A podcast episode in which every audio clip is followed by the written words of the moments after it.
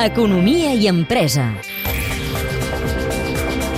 L'actualitat empresarial, laboral i econòmica a Catalunya Informació.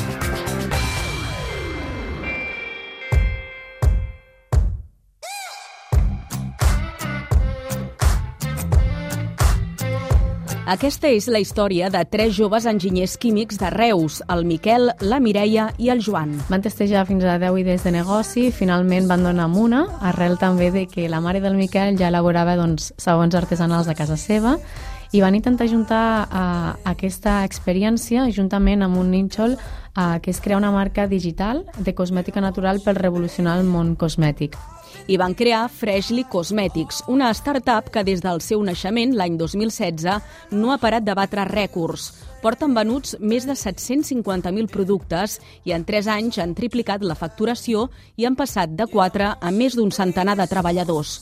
El seu objectiu era acostar-se al públic millennial, com explica la brand manager de la firma, l'Helena Herrera. Es va buscar um, intentar connectar amb els hàbits de, dels joves d'avui en dia, sumat amb una cosmètica que realment és innovadora en les seves fórmules, no és tradicional, com podem trobar en algunes botigues doncs, com d'herbolari que realment no connecten amb el poble jove, intentar-nos adreçar amb aquests valors que ells se senten identificats, com és una cosmètica natural, saludable, que estima els animals, eh, que és detox, que és sostenible.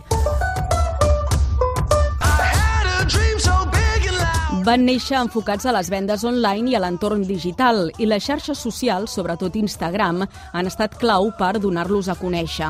Ara utilitzen aquests canals per oferir una atenció personalitzada als clients, cosa que consideren primordial. Ja sigui a través d'un e-mail, d'una trucada, d'una xarxa social, uh, d'un xat al nostre web, és una atenció des de la preventa, diguéssim, un, assess un assessorament personalitzat de quin tipus de rutina t'encaixa pel, pel teu tipus de, de pell. Uh, T'ajudo i t'assisteixo a fer la compra online inclús i després també el servei postventa de volem saber la teva opinió, com t'ha anat, repetiries... De fet, han creat productes basant-se en els comentaris dels seus seguidors. El sèrum de contorn d'ulls que vam llançar sí que ho teníem dins els nostres propis llançaments, però més de cara a futur, i al final es va convertir en un llançament a curt i mig plaç perquè ho sol·licitaven molt.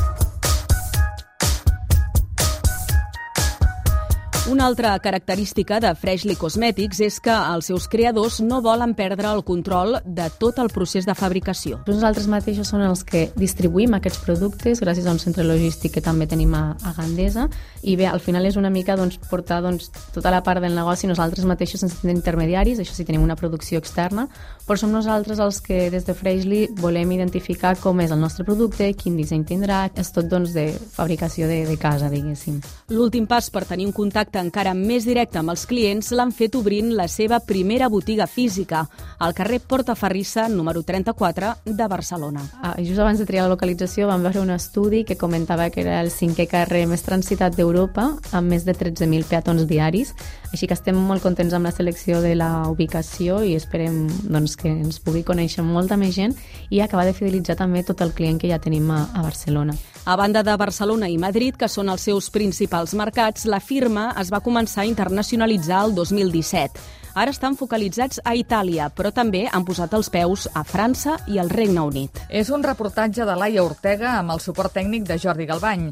El teniu disponible al podcast de l'Economia i Empresa.